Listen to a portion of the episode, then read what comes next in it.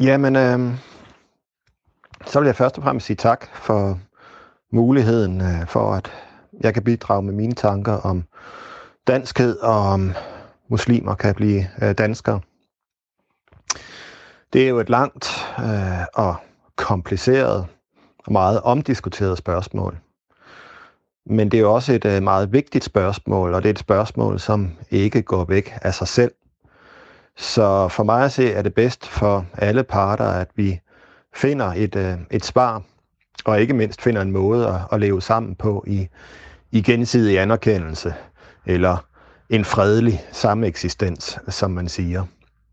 Og det gælder jo ikke kun i Danmark, men også på verdensplan. Først og fremmest må man jo sige, at det her spørgsmål om, hvad danskhed er for en størrelse, det er måske det vigtigste spørgsmål, et folk overhovedet kan stille sig. Altså spørgsmålet, hvem er, hvem er vi? Og sådan som jeg vil øh, behandle det her, og som jeg oftest behandler det, så er det ikke et religiøst, konfessionelt spørgsmål, men et samfundsmæssigt og øh, mere, måske mere præcist et kulturelt spørgsmål.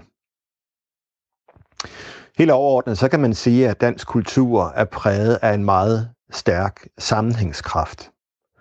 Altså danskerne har overordentlig stor tillid øh, til hinanden, måske det højeste niveau øh, på verdensplan. Der er en høj grad af fred og fordragelighed her i landet, og en meget høj grad af, af frihed, øh, og en øh, høj grad af velstand også. De her ting, de er efter min mening frembragt, fordi at danskerne er en meget homogen befolkning. Altså danskerne ligner hinanden i meget, meget høj grad. Værdimæssigt, adfærdsmæssigt.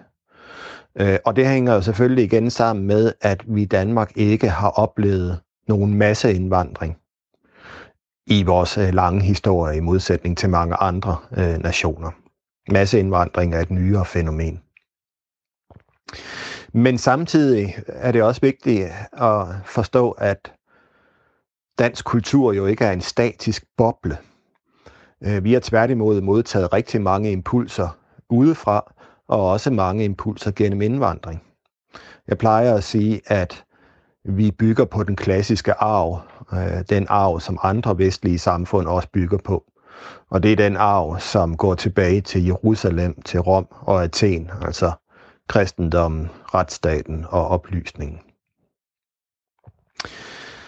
Hvad er så danskhed, hvis man skal sige det sådan i mere overordnet forstand?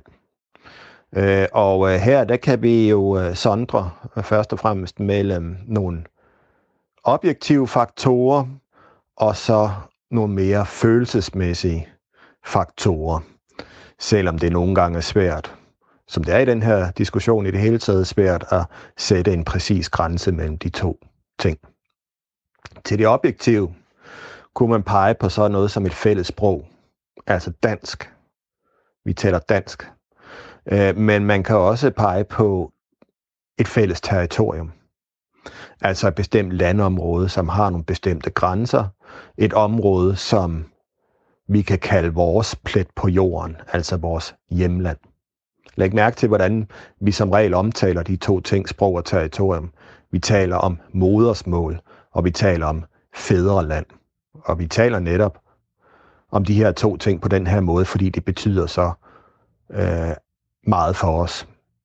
Sprog og territorium, modersmål og fædreland er vel nok det vigtigste sammenbindende lim øh, i ikke bare den danske nation, men alle nationer. Til de mere følelsesmæssige ting, knap så objektive ting, kan man pege på sådan noget som en fælles historie, som også er noget af det, der definerer vores kultur og binder danskerne sammen. Vi har haft en meget lang og meget harmonisk historie, øh, hvor tilhører en række sejre, men også en række nederlag. Tænk på 1864 og hvad det har betydet for, for dansk kultur og dansk sindelag. Man kan også pege på særlige traditioner. Vi fejrer Sankt Hans. Vi fejrer øh, kristne helligdage og ferie, ferier. Jul og påske. som måske de mest betydningsfulde. Men også mere sekulære fejringer af traditioner, for eksempel grundloven. Vi har en grundlovsdag. Og så har vi en særlig madkultur, det er bestemt mad, vi spiser, og en drikkekultur måske endda også.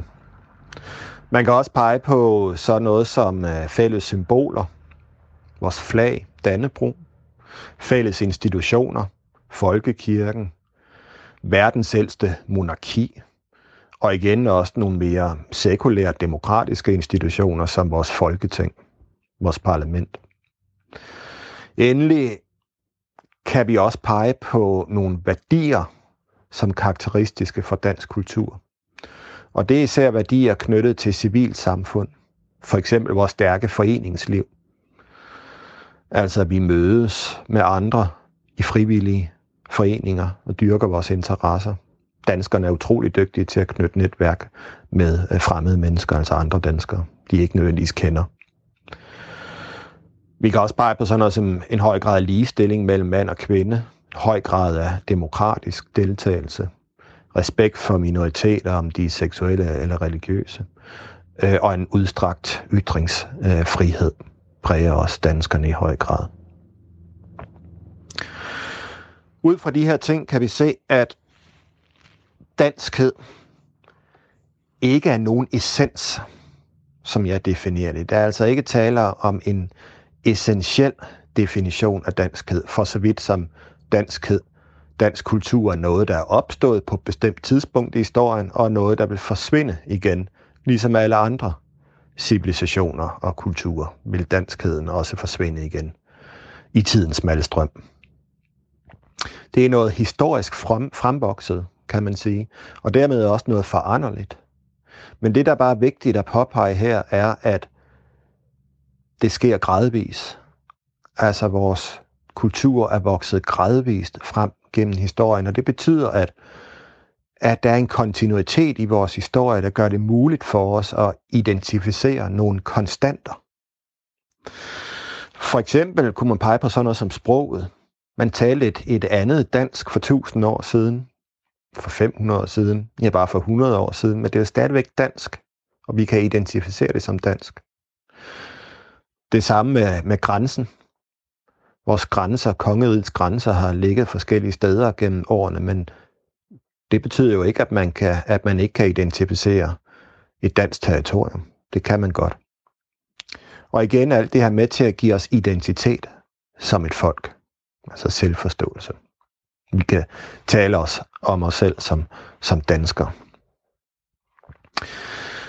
Til de, alle de her ting kommer der også noget, der for vores emne her, altså danskhed og muslimer, noget, der, der er vigtigt.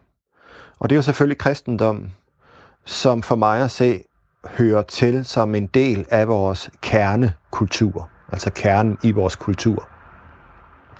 Men igen er det vigtigt her at forstå kristendommen som netop som kultur og som en særlig etik. Altså at vi i kristendommen, i hvert fald den protestantiske variant af kristendommen, som, som præger danskerne, så betoner vi i meget høj grad samvittighedens betydning. Altså, vi øh, bekender os ikke til en lovreligion eller en bestemt lov, som nogle der skal udlægge og anvise vejen for os. Vi finder, så at sige, etikken i vores samvittighed. Og der kommer også en stærk betoning af personlig ansvarlighed personlig skyld. Når vi fejler, så er det vores egen skyld. Så må vi tage ansvar for vores handlinger og søge forbedre os. Søge tilgivelse. Der kommer også øh, sådan noget som sekularisering, adskillelse af kirke og stat. Hører også til det i kejserens og Guds regimenter. Øh, og tillid hænger også faktisk sammen med den protestantisk etik i høj grad. Ikke kun, men i høj grad. Kernefamilien også.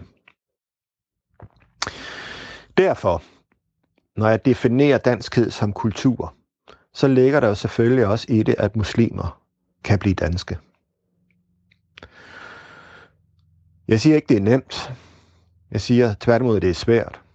Det gælder ikke kun for muslimer, især for indvandrede muslimer. Det gælder så at sige for alle indvandrere. Og det er svært, fordi vores kultur er nationalromantisk i sin form, og det, og det er svært, fordi vi er så homogene. Men det kan lade sig gøre at blive en del af dansk kultur. Øh, det kan lade sig gøre, hvis man ønsker det, hvis man vil.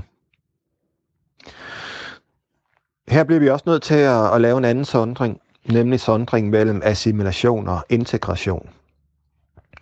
Altså mellem assimilation, forstået som det, at man glider fuldkommen ind i dansk kultur øh, og nærmest bliver uskældelig fra, skal vi sige, gennemsnitsdanskeren.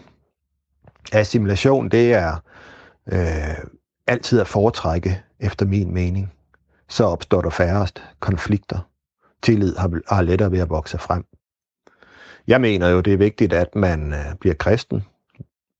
Øh, man døber sine børn, og man giver sine børn danske navne, bare for at nævne to eksempler.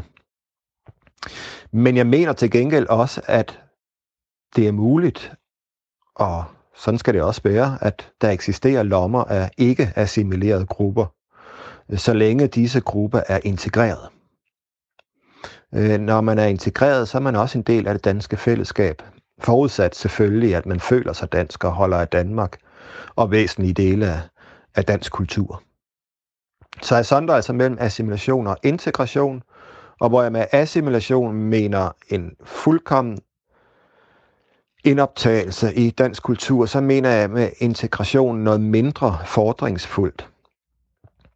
Øh, og hertil hører for eksempel, at man skal være i stand til at tale det danske sprog, man skal overholde loven, og man skal bidrage til fællesskabet. Altså man må ikke lægge fællesskabet til last, man skal tage et arbejde osv. osv. Øh, på ikke assimilerede grupper kan man jo pege på for eksempel jøderne og vietnameserne, øh, men selvfølgelig også mange øh, muslimer. Folk, som altså er gode øh, borgere øh, og øh, gør det, der skal til for at være en, en god borger, men ikke er assimileret i dansk kultur. Jeg mener, at øh, som, altså, som nationalkonservativ, så mener jeg, at antallet af ikke assimilerede stadig, være, skal, stadig skal være begrænset. Ligesom jeg mener, at der ikke bør finde masseindvandring sted. Øh, og det skyldes jo den grund, at, at jeg mener, at der er noget værdifuldt og bevaringsværdigt i, i dansk kultur, som rækker ud over den rent formelle integration. Altså der, der rækker ud over jura og økonomi, altså rækker ud over det, at man har et pas, øh, at man er statsborger, eller rækker ud over det, at man overholder loven og, og er arbejdsom. Jeg mener faktisk, det er vigtigt for dansk kultur, at øh, der er så noget som fælles forfædre. Altså, vi kan spore vores slægt langt tilbage i historien. Fordi den her generationspagt, den er faktisk med til at motivere os til at passe på vores samfund. Altså sansen for, at vi har vi har, øh, der er blevet os noget overleveret fra vores forfædre, som vi skal passe på og give videre i uspoleret forstand øh, til vores efterkommere. Jeg mener også, at det er vigtigt og godt, at kirkeklokkerne ringer i de kristne kirker hver søndag. Der er en dansk litteratur, der er danske sange og danske salmer, øh, som siger noget om, øh, hvem vi er og som hører til i vores kultur. Men det er jo selvfølgelig ikke, øh, når vi taler om kultur i den her dybere forstand, så er det jo selvfølgelig ikke noget, der potentielt trues af indvandrere eller andre religioner. Det trues af en lang række faktorer, som, som øh, individualisering og, globalisering. Med andre ord er det også øh, danskere, altså oprindelige danskere, der skal bekræfte deres øh, fælles kernekultur.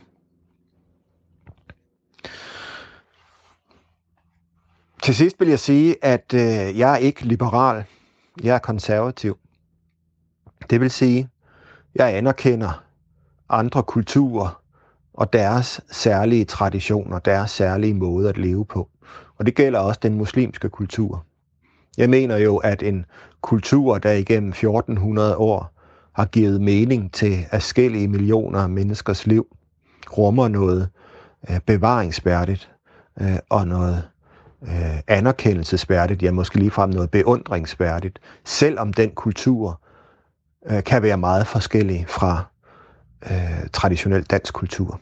Man kan for eksempel se på, tage nogle ting som øh, synet på, på det hellige, eller forhold mellem mand og kvinde, syn på ægteskabet, altså i at man ikke kun øh, abonnerer på en rettigheds- og lystdimension, når man taler om ægteskab, men også i højere grad på en pligtdimension. At man betoner nogle andre ting, end vi gør i dansk kultur i, i syn på, på slægten og, og familien og den slags. Jeg er heller ikke øh, progressiv. Jeg mener ikke, at alt i fremskridtet og alt i det moderne er godt. Øh, og øh, jeg er faktisk heller ikke fortaler for profanering af religion. Altså, at man skal håne, spotte og latterliggøre øh, religion og religiøse følelser. Men jeg mener, at vi har friheden til det, og den frihed skal bevares, og hvis den bliver truet af vold, så skal vi beskytte den øh, frihedsrettighed. Jeg mener også, at traditionelle værdier, ikke kun moderne værdier, men altså traditionelle værdier omkring tro, omkring køn og opdragelse og familie er, er vigtige og kan være med til at sikre menneskers identitet. Øh, at, at give dem mening i livet og få dem til at føle, at de hører hjemme et, et sted. Mit valgsprog, valgsprog plejer at være, at vi skal være nationale hjemme, men multikulturelle ude. Altså, vi skal respektere andres kulturers måder at leve på, når vi ser ud på verden, så længe vi altså kan leve i fred med de andre. Men herhjemme skal vi bevare vores homogene kultur. Det betyder, som jeg har argumenteret for mange steder, at, at jeg mener, der skal være eksistere et stop for indvandring fra lande, der historisk har givet os konflikter, øh, og at vi i langt højere grad skal hjemsende ikke integrerede øh, fra, øh, fra Danmark, altså folk, som ikke overholder loven og, og ligger samfundet til last. Men altså, jeg mener, at man skal anerkende andre, øh, der også har en anden, eller andre, der har en anden kultur, også herhjemme, så længe de opfører sig som gode borgere. Og det gælder også muslimer. Og jeg mener også, at man skal støtte og anerkende deres bestræbelse på at blive en del af vores kultur så meget som muligt. Øh, og det gælder også en muslim med for eksempel somalisk baggrund, som øh, føler sig som dansker, holder af Danmark, og som opfører sig som de fleste oprindelige danskere, og som gerne vil lære vores sange at kende, og som bliver formet af, af vores natur og vores særlige øh, klimatiske betingelser.